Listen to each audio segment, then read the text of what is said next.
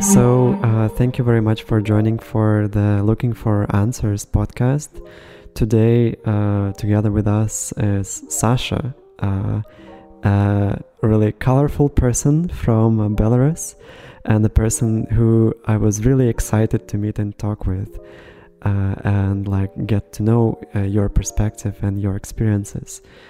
maybe you would like to shortly introduce yourself. Of course. Thank you so much for having me.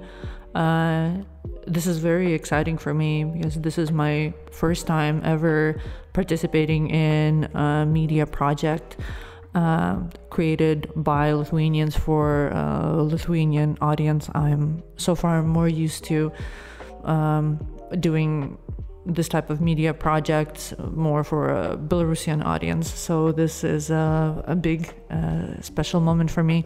Uh, my name is Sasha Gushcha. Uh, I am from Belarus, from Minsk. I moved to Vilnius um, one and a half years ago.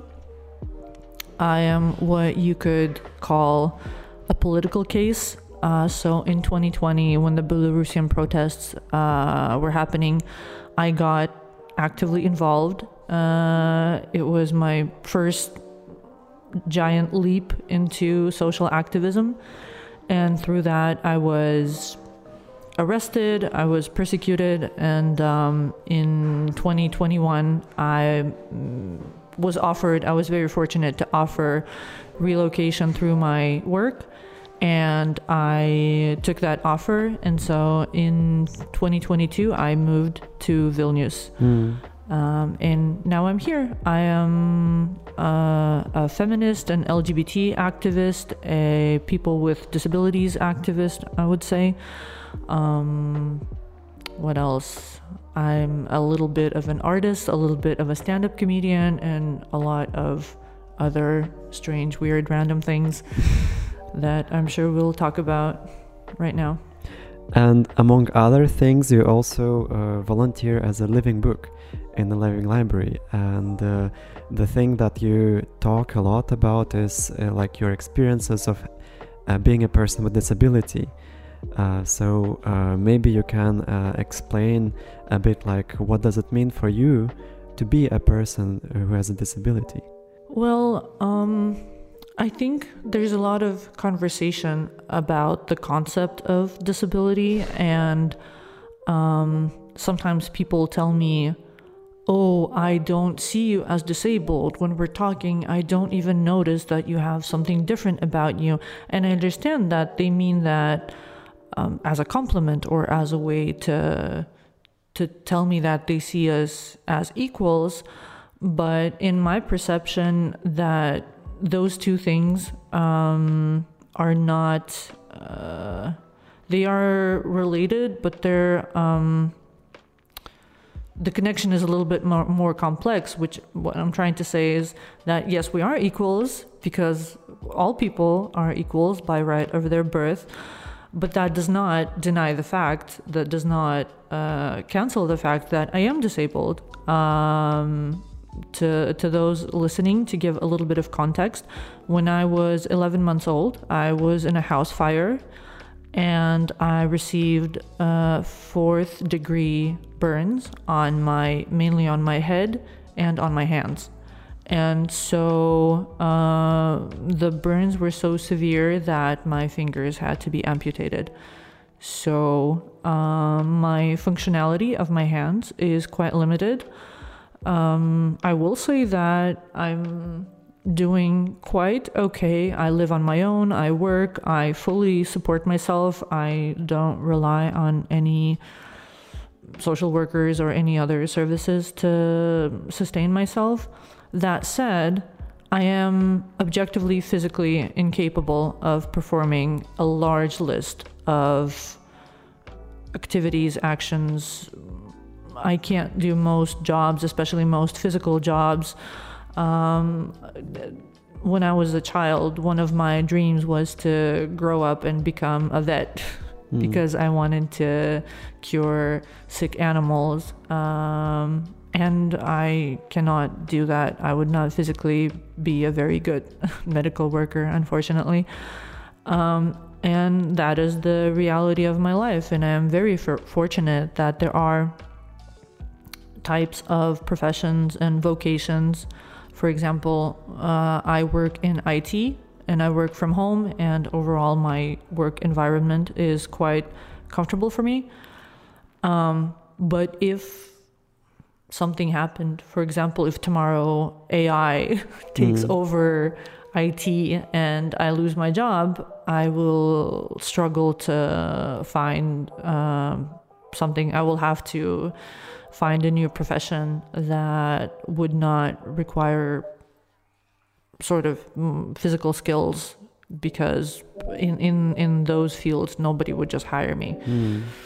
So keeping that in mind, like, uh, how do you think uh, disability affects your relationships to people around you? Like, um, do you feel like uh, people view you through some sort of stigma, or uh, like, how does that work? So that that is a very good question. Uh, I would say it's a complex one, and I would say um, from the way I see it and from my experiences, there is definitely um, a bit of a distinction between uh, my interpersonal relationships with other individuals, sort of one on one with people or with like, smaller groups of people, and then my uh, relationships with society or with large communities or with institutions or with other social structures because I would say that um, on a on an interpersonal level mm-hmm. usually most of the time everything is fine um, I am quite fortunate that I rarely encounter any sort of discrimination or harassment or negative treatment. Um, and thanks to my parents and to the way my mother brought me up, if I ever encounter any sort of negativity, I am able to stand up for myself. Um, but then on a more systemic level or on a sort of macro level, um, I can definitely say that there is a lot of stigma and othering um, that takes place in even in quite advanced progressive societies when it comes mm. to disability.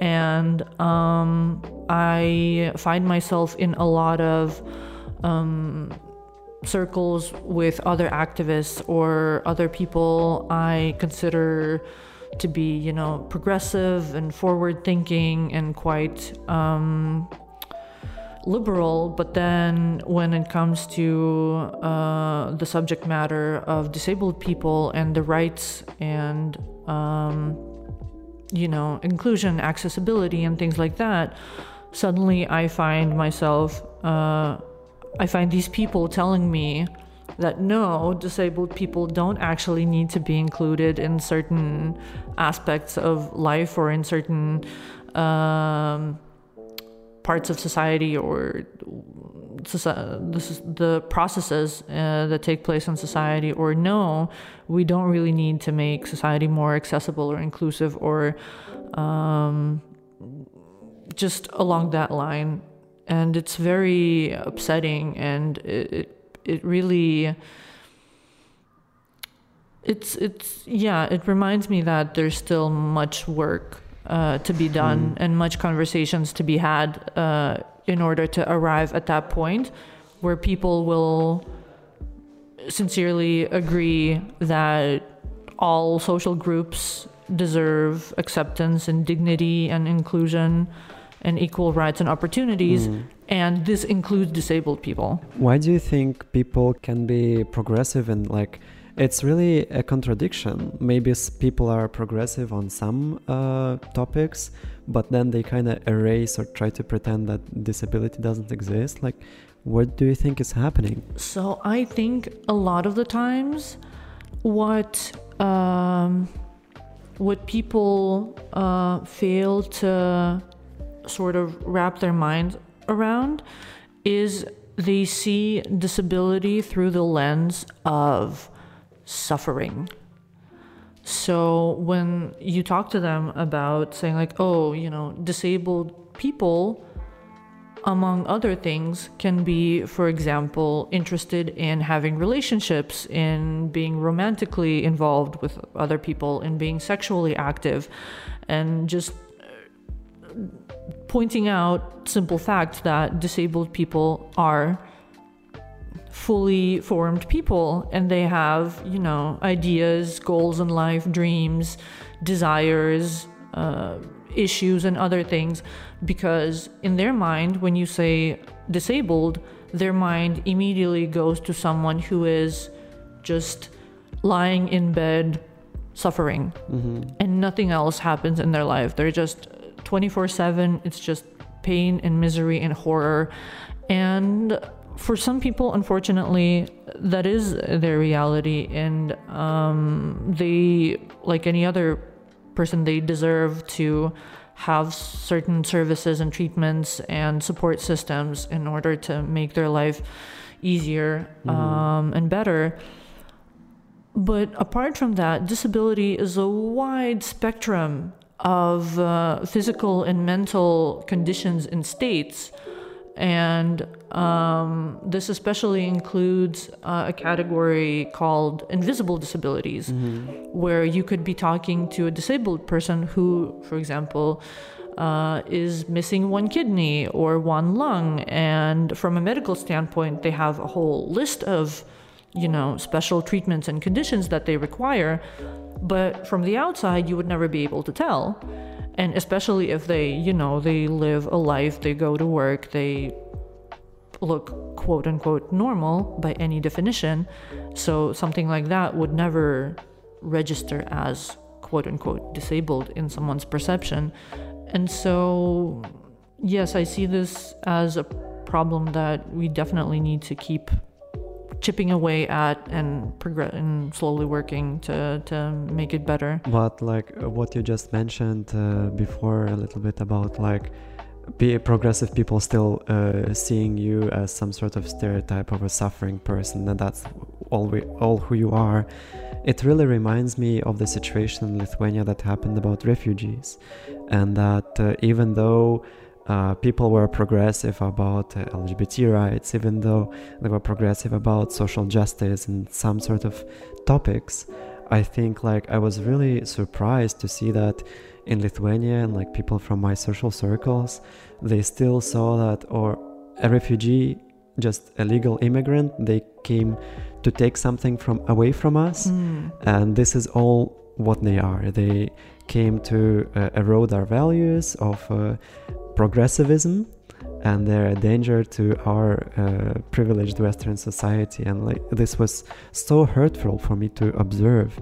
And like uh, it seems like this really reminds me of the situation like what you told about disability.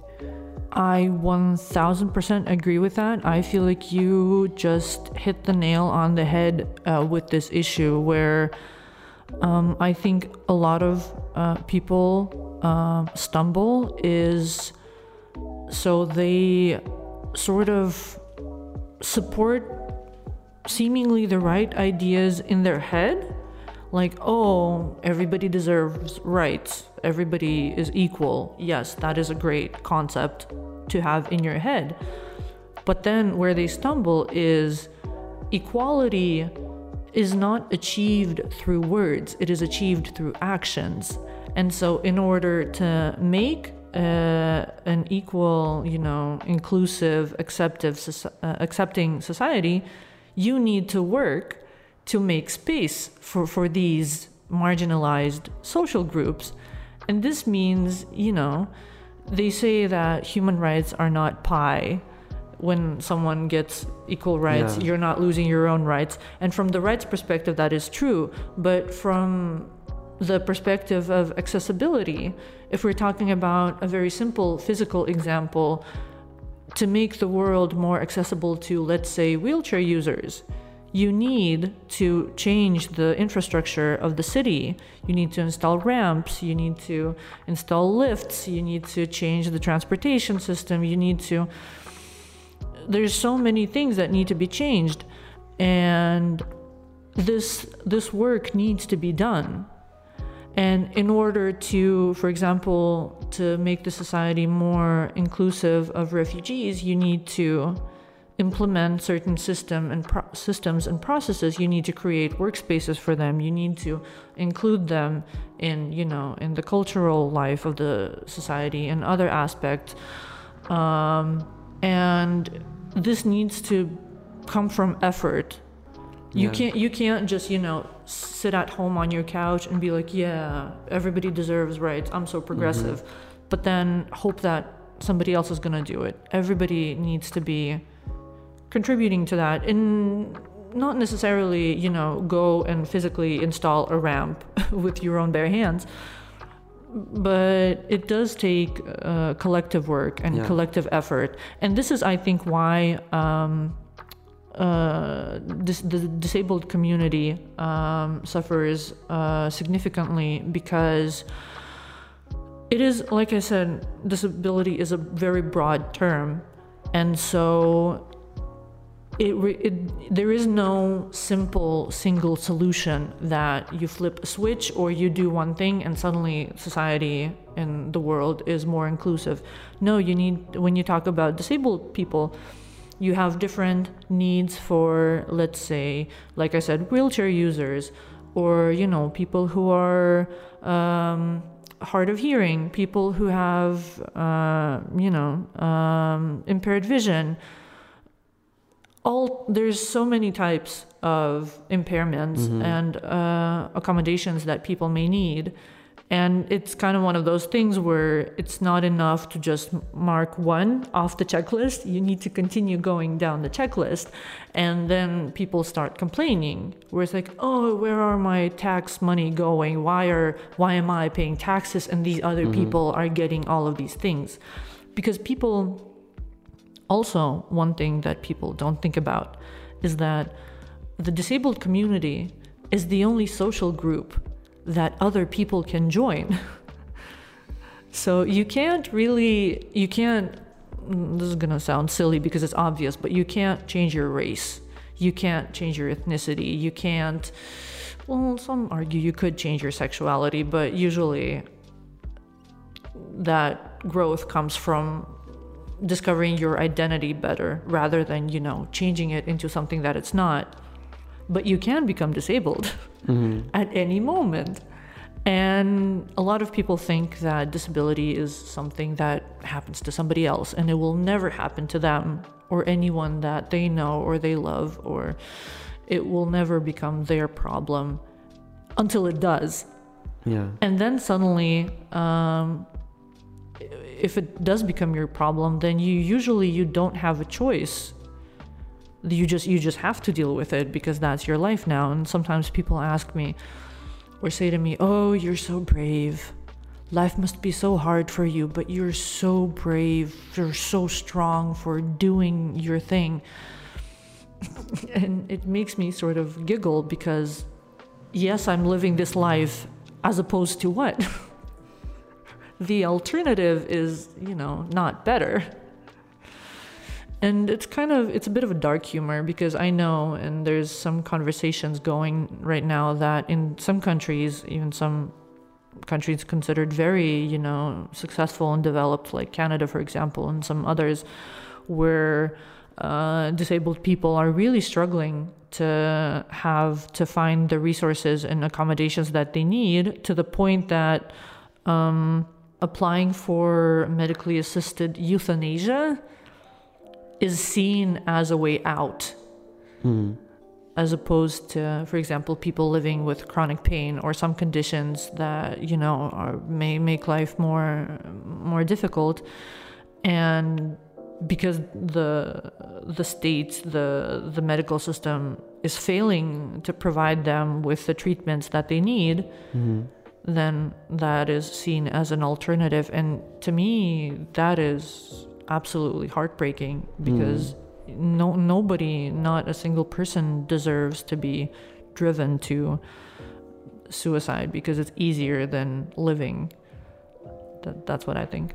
I kind of wanted to return to one of the previous points, uh, uh, like you were mentioning that uh, there were there are so many different kinds of uh, disabilities, and like some are visible, some are invisible, but also uh, so many different kinds of uh, disabled people that are like that have their own kind of interests, their own kind of desires and absolutely uh, passions. And when I first met you, I was like really amazed of uh, like how many different things you are interested in and what how how many different things you are doing, Mhm. and like uh, your passion to fashion to yeah, like your uh, activities with stand-up comedy and like uh, your lgbt activism. So i was really looking forward to like sitting down with you and like understanding how does it all relate together to create you as a person.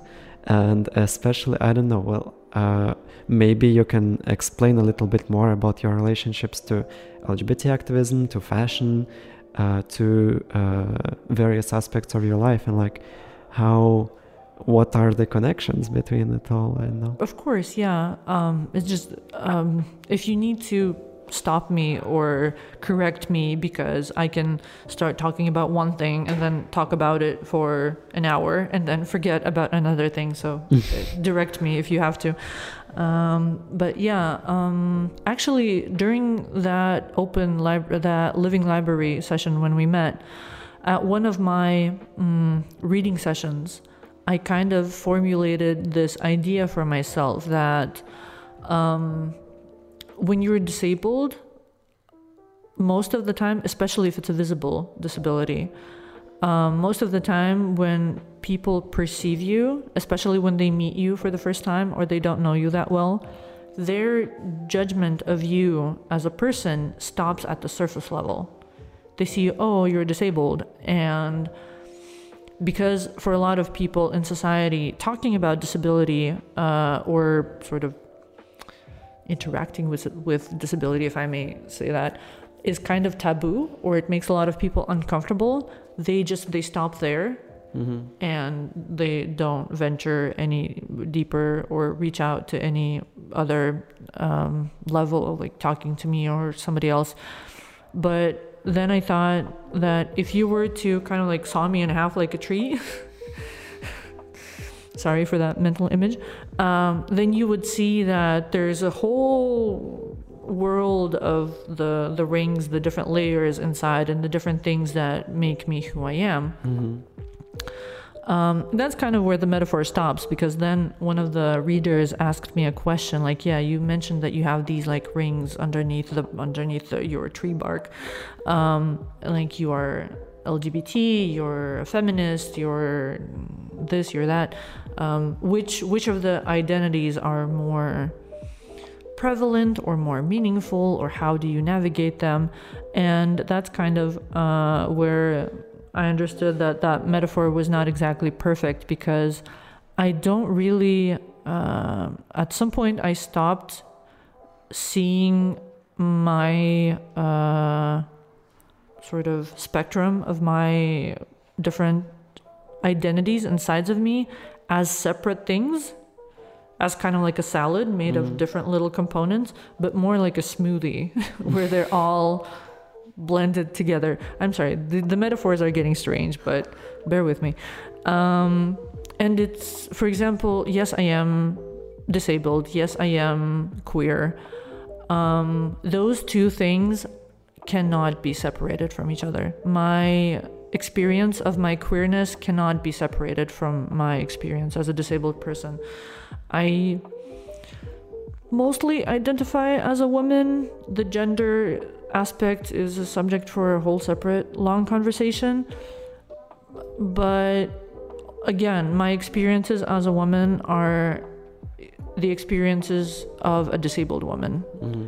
And this kind of informs a lot of my my social my social life, the social aspect of my identities and my expression, but also a lot of my sort of internal um, reflections. Um, so it's yeah, it's it's really difficult to put it any better than that. And I do uh, have a very wide uh, circle of interests and hobbies and um, topics that I care about or am invested in. I would probably say that if I had to name one hobby, that that's my main one go to hobby, I would probably say that I like collecting experiences. Mm. Which is which might sound strange, but I think that is the best way to put it because I just like doing and trying different things just to see if I can do it. And then if I enjoy it, then I will continue doing it. Uh, and this can include anything from uh, cross stitch embroidery to drawing to baking cupcakes and then decorating these cupcakes to um, skiing in the mountains, horseback riding, ice skating, uh, dancing, um, stand up comedy, as we've already established um, cosplay, uh, alternative fashion, uh, social media, um, so so many. It's yeah. I just it's and I don't know. I sometimes talk to my friends about them uh, about this or just ponder to myself: Is this was this always a trait of my personality? This uh, thirst for diversity mm-hmm. for for very different experiences or maybe this is um, sort of the way my uh, personality developed um, under the influence of being disabled and being constantly reminded of all of the things you can't or you shouldn't or you're not allowed or it's not accepted in society for you to do and me just going you I'm gonna do it anyway, because because there's a lot of sort of the, for example, the big issue with um, inclusion and accessibility for yeah. disabled people is that a lot of us can't access certain spaces physically. Mm-hmm. We just you can't, uh, for example, on a wheelchair or in other conditions, you can't access certain certain things, and then people um, don't see you there, mm-hmm. and they just assume that you're not interested or just that that's the way life goes for example. Um, and then when you s- start doing certain things one example that i can give i used to back back in minsk i used to dance. And for for a few years i joined a sort of dance school. And they had a, a special troupe for the best dancers who did stage performances. Mm-hmm.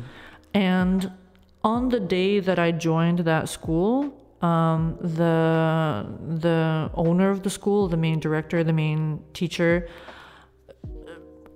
directly, openly told me, "I will never let you go on stage." Don't even wow. think. Don't even think about that. Like you can go, you can go to classes, you can learn the dances, you can go to dance competitions, do do whatever you want to do. Don't even think about the stage. And um, it might sound like a very minor thing, like who cares about dancing on stage? Some people would never even agree if you offered them to do mm-hmm. that. But it's things like that where you have this just general atmosphere of just the world telling you like we don't want to see you we don't mm. want you to we don't want to put the spotlight on you we don't want to give you attention unless you're gonna go on stage and do like a TED talk or an inspirational speech about how you are disabled, but you're so strong and overcoming, and you're gonna inspire all of those other people to be more grateful that we're not disabled. Mm. Um, yeah, and all of that, you know, if I am allowed to use this expression, the inspiration porn aspect of, um, yeah, there's that. Um, but yeah, so to, to summarize, there there's uh, there's very little space. There's there are there is some progress. Things are slowly getting better, but there's still very little space for disabled representation in things like fashion, in mm. things like the quote unquote beauty industry, in things like stage entertainment. Um, and for some reason, again, this might be telling something very strange about my personality, but for some reason, it's things like that that annoy me. Mm. And this makes me want to do them even more, which is why I actively choose to ex- express myself by wearing unusual fashion styles or painting body paint on my face or doing cosplay and doing these strange costumes or doing stand up comedy Mm-hmm. because this is kind of, in a way, my metaphysical opportunity to, to show a middle finger to the world Yeah. and to say, hey, you said you've been telling me my entire life that you don't want to see me. Well, I'm going to force you to, to look at me. I'm going to take the microphone and go into the spotlight and I'm going to make you listen. But you know, um, it's really interesting for me to like also explore this uh, ways how different aspects of experiences and personality like affect how a person chooses to act. And like it's really interesting for me to think about like what is an activist and like what uh, makes a person do something about social injustice. And you're saying that uh, uh, if you experience uh, some sort of uh, injustice and like you are not allowed to express yourself in some sort of way you want to uh, fight it by like wanting to express yourself even more in some sort of way. But like i'm thinking like what would uh, make a person be passionate about changing the world for the better? And whether you as a person experiencing some sort of injustice kind of affects that. But also like and thinking about the lgbt community it's interesting for me to see like some sort of for example older gays here in lithuania who Mhm. don't identify with the lgbt community or Mhm. like people uh, lgbt people who condemn the pride movement by saying that it divides people and uh, Mm. that it uh, hurts lgbt reputation or something so like it's really interesting how there can be different reactions to this injustice sometimes uh, maybe one way to put it is like fighting against injustice but another maybe like conformism and Mhm. just like uh, lying down in front of your oppressor uh, or something like but what do you think about like activism in general and fighting injustice That is an excellent point. And there's actually, I've recently, uh, not recently, but a little while ago, I learned the exact terminology for this, uh, the the problem that you've described, where it's, I believe it's called something like likability politics, where um, a lot, like you said, conformism. A lot of the times, people who may belong to to the same oppressed, uh, the same marginalized social group, they start arguing with the activists and saying like, "Oh, we should just, you know, quote unquote, act normal." And then society will accept us. But if you wanna, you wanna do the pride parades, you wanna do the posters, you wanna be so obnoxious and in their face you're the ones harming us more because you're making the the majority of society dislike us. You're like confronting them and you're being loud and rude and they they won't like that. And that's basically why it's called the likability politics. Um, and um,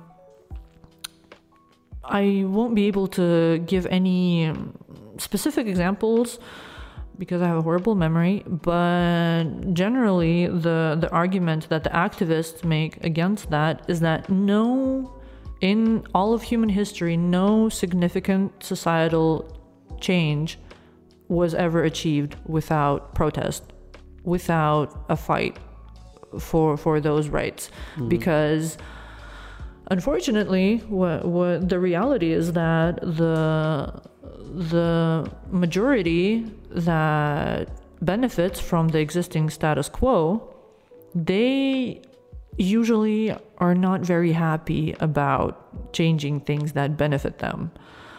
Um, so being polite and trying to, to appeal to, to, to the masses by being very agreeable and very conforming and very, you know, um, likable and people pleasing. It's it can it can give you certain privileges if you're lucky. But then what about those who don't have those privileges? It's Mm. um like um for example some people ask me like why why are you why are you so bent so hell bent on being an activist and arguing about these ideas and, and why can't you just you know you work in IT you're getting paid you can live a comfortable life. Why do you have to like argue about these issues? And um this reminds me of this one picture that was sort of a meme that I saw on Twitter a little while ago, where it was uh, the picture was divided into two halves, Mhm. and on the one half there was um, there was several like rows um, of things, and the first row on the left it was like normal people, and it was like a heterosexual couple. On the other half, it was like woke, like woke. Uh, Infected by wokeness. yeah, it's kind of like the the woke example, and on the other side it would be a same-sex couple. Then the next one would be like normal people, and it would be all white people.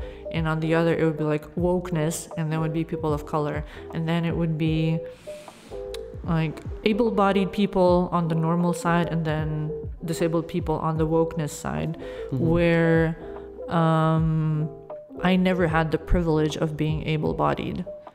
So i i can't just choose to, to walk away from being disabled. Um, and so some things that people take for granted that they have by by virtue of being able-bodied or looking uh, able-bodied if they have a, an invisible disability or some something of that sort um, I have to put up some form of fight if I want to have the same quality of life that normal people are just born with. And with that, that's kind of, I think, the Belarusian protests of 2020 for me were the turning point. Until then, I was not an, an activist. I would read a lot, I would watch a lot of um, documentaries and, and videos and films about feminism, about LGBT rights, about the LGBT his- history of the world. But I never, I never considered myself to be an activist. But in 2020, that's when when I saw people being just beat up by the police, by the service that's supposed to protect them, and they were just beating the crap out of unarmed, harmless people on the streets of Minsk just for for the sake of suppressing, you know, the human right for equality and dignity and democracy. When I saw that with my own eyes and I had to myself run away from that so that I wouldn't get arrested or beat up, and then eventually I was arrested, like I mentioned, I understood that it's every well in in more or less uh, in maybe in different countries in different capacities but i believe that it is to some extent every society member's uh, responsibility to participate in in the decision making Mm. that goes into the way this their society functions. Because if you don't participate in making those decisions they're going to be made anyways. But they're going to be made for you. Yeah. and then there's a higher chance that you will not like those decisions um, because the people who will be making those decisions won't even remember that you exist. But I was also wondering, like, as an activist, what kind of is your compass according to which you navigate towards a better world? Or, like, and I was wondering, like, what do you think is what we should strive for? How, how, what are you dreaming about? As, like, in terms of your activism, what would you like to see? What kind of changes? Are you dreaming about? Oh my gosh. Are we talking about like utopia level or realistic level? because if Hmm. we're talking realistic, then, you know, in the year of 2023, I would just like for there to be no war and no dictatorships. I would just say, let's start there and like see what happens. Let's just that's that's kind of the bare minimum. Like nobody is mass murdering anybody and nobody is suppressing entire nations under their dictatorship, you know, control. That's that's kind of I'd be grateful for that. If we're talking about a wider picture, then I can start talking and not stop talking because there is so much wrong with the world that I feel needs to be fixed and improved and corrected. And um, yeah, I would just say regarding your question about my moral compass, I think the the starting point for that would be if you're talking about improving the life of a marginalized community, any any marginalized social group, start by listening to the voices of the people from that group. Don't speak for them, don't listen to other people who speak for them. Listen to them.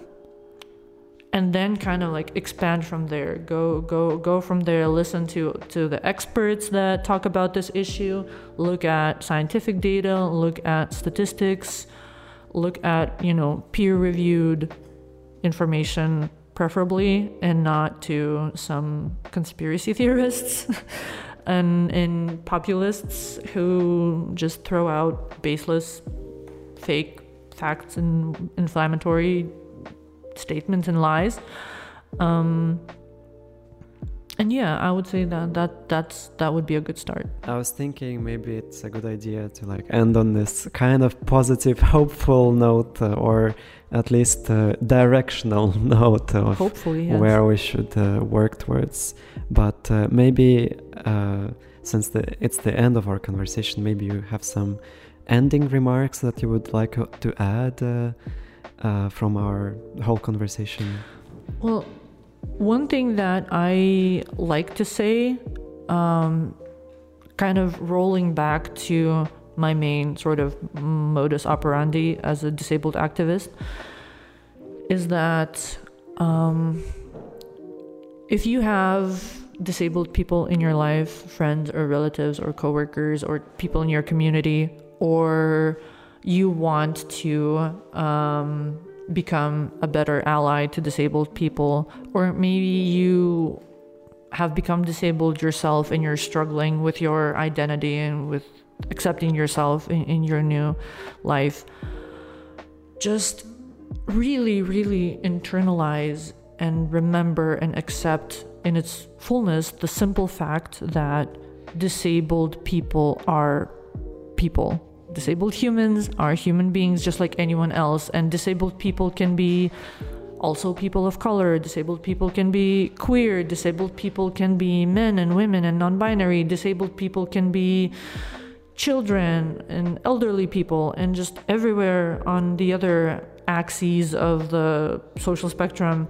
And so, respect the individuality uh, of disabled people and try to see them as something more than just their diagnosis.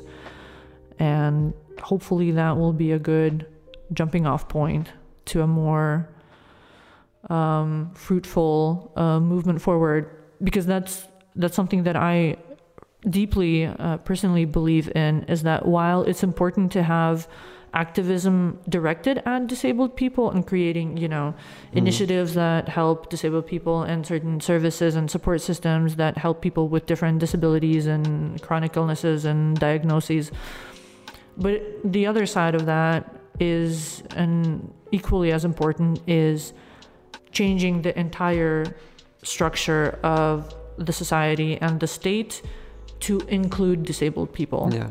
so not only making I don't know, like theaters or stores where disabled people could go to, but making all stores accessible so that disabled people could go anywhere. And only then we will start creating a truly inclusive uh, and accepting world and society. Well, thank you very much, Sasha, for coming on and sharing your experiences, your thoughts. And uh, it was a really a real blast to talking to you and I'm really glad that uh, we were able to have this conversation. My pleasure. Thank you for having me. And the cat is saying bye. and now we're going to go play with the cat because he's desperate for attention.